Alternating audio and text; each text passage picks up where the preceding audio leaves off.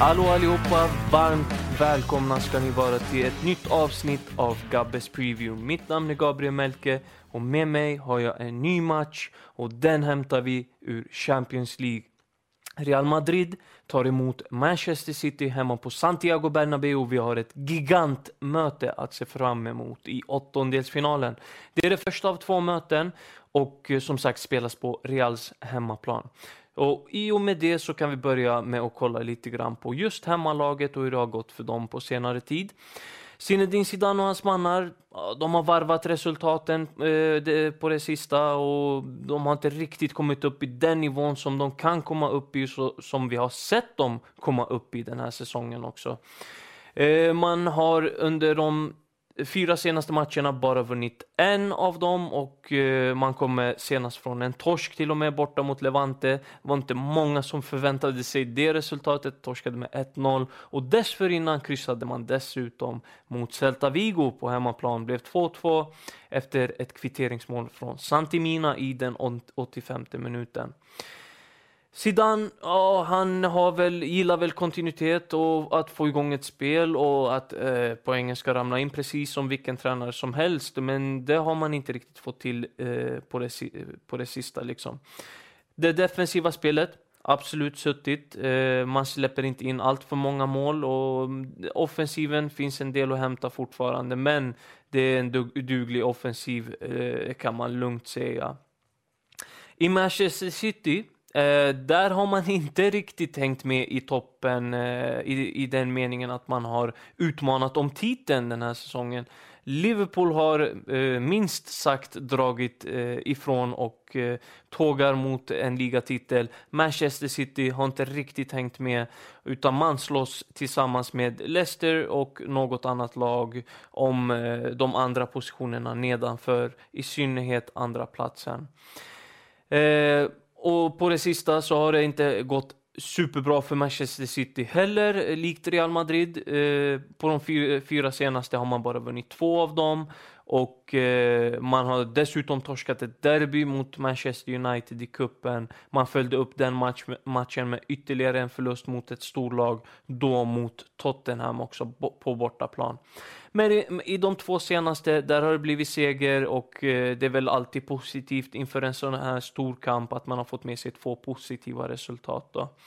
Eh, man slog eh, Leicester senast, inte det enklaste motståndet att åka och slå eller ställas mot överhuvudtaget, utan, men man gjorde jobbet och slog dem med 1-0 eh, i den senaste matchen.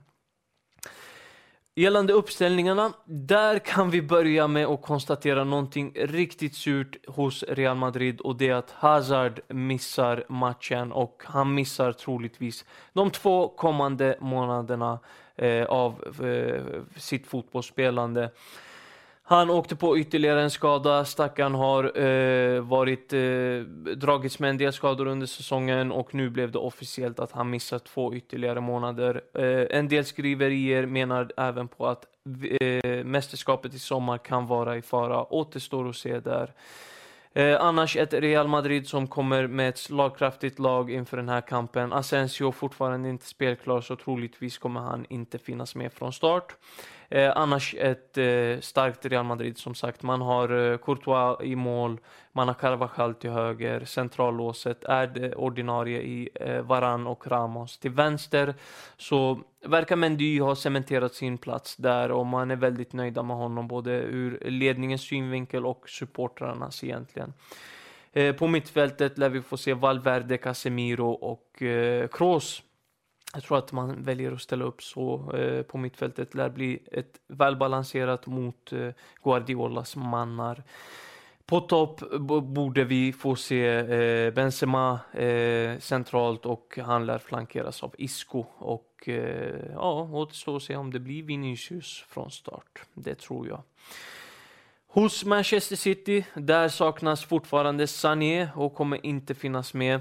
Eh, komiskt nog så rimmar det. Eh, dessutom så saknas, eh, eller så är Sterling även osäker för spel. Inte helt klart om han missar ännu, men eh, skulle han göra det så är det tydligt avbräck. Eh, en spelare som verkligen har flygit under eh, Guardiola. eh, eh presterat väldigt bra under den tränarens eh, period i klubben. Eh, annars så har man ett eh, stjärnspäckat lag, ett fullspäckat, eh, med fullspäckat med kvalitet liksom. Det är från, både från målvakten i Ederson upp till toppen med Agüero. Eh, I backlinjen lär vi nog få se eh, Walker och eh, till höger och centralt får vi se eh, vem det blir som slängs in i hetluften. Men det blir nog bland annat Laporte, Laporte där. Till vänster eh, lär, lär, vi få se Mendy också. Eh, annars eh, ett mittfält som ser ut som eh, vanligt och på topp lär vi få se Agüero eh, som striker. Eh, och till höger återstår att se om det blir Mahrez eller någon annan. Gjorde en väldigt fin match mot Leicester senast också.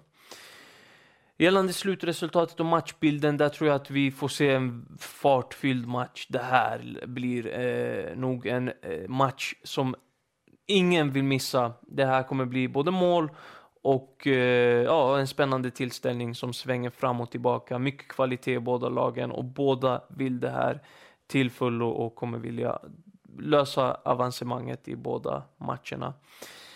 Eh, med det sagt så tror jag att, som sagt, att det blir målrikt, men jag tror också att i och med att man har hemmafördel och att man vill studsa tillbaka med tanke på de, eh, ett antal usla resultat, så tror jag på Real Madrid i den här matchen. Eh, och eh, till det hittar jag även ett riktigt fint spel på att Real Madrid vinner uppbackat med pengarna tillbaka vid oavgjort till 2-10 hos William Hill ett klockrent spel. 2-10 på att Real Madrid vinner och skulle, skulle spelet sitta att just hemmalaget eh, kammar hem vinsten, ja men då vinner du och får behålla dina pengar. Skulle matchen sluta oavgjort och du har lagt det här spelet, ja men då får du din insats tillbaka. Eh, det enda som skulle eh, innebära en förlust är just att Manchester City vinner.